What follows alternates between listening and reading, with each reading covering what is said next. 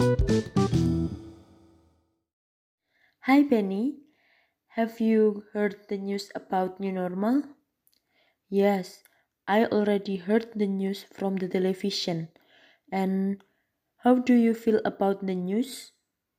For me, it is a good idea to fight this pandemic with regard to health protocols, like keeping a distance and wearing a mask. Yes, and don't forget to wash your hands. And also, stay at home. If you want to shop, rather do it online, like my mom did. Thank you, Penny, for all your information. You are welcome, Siti.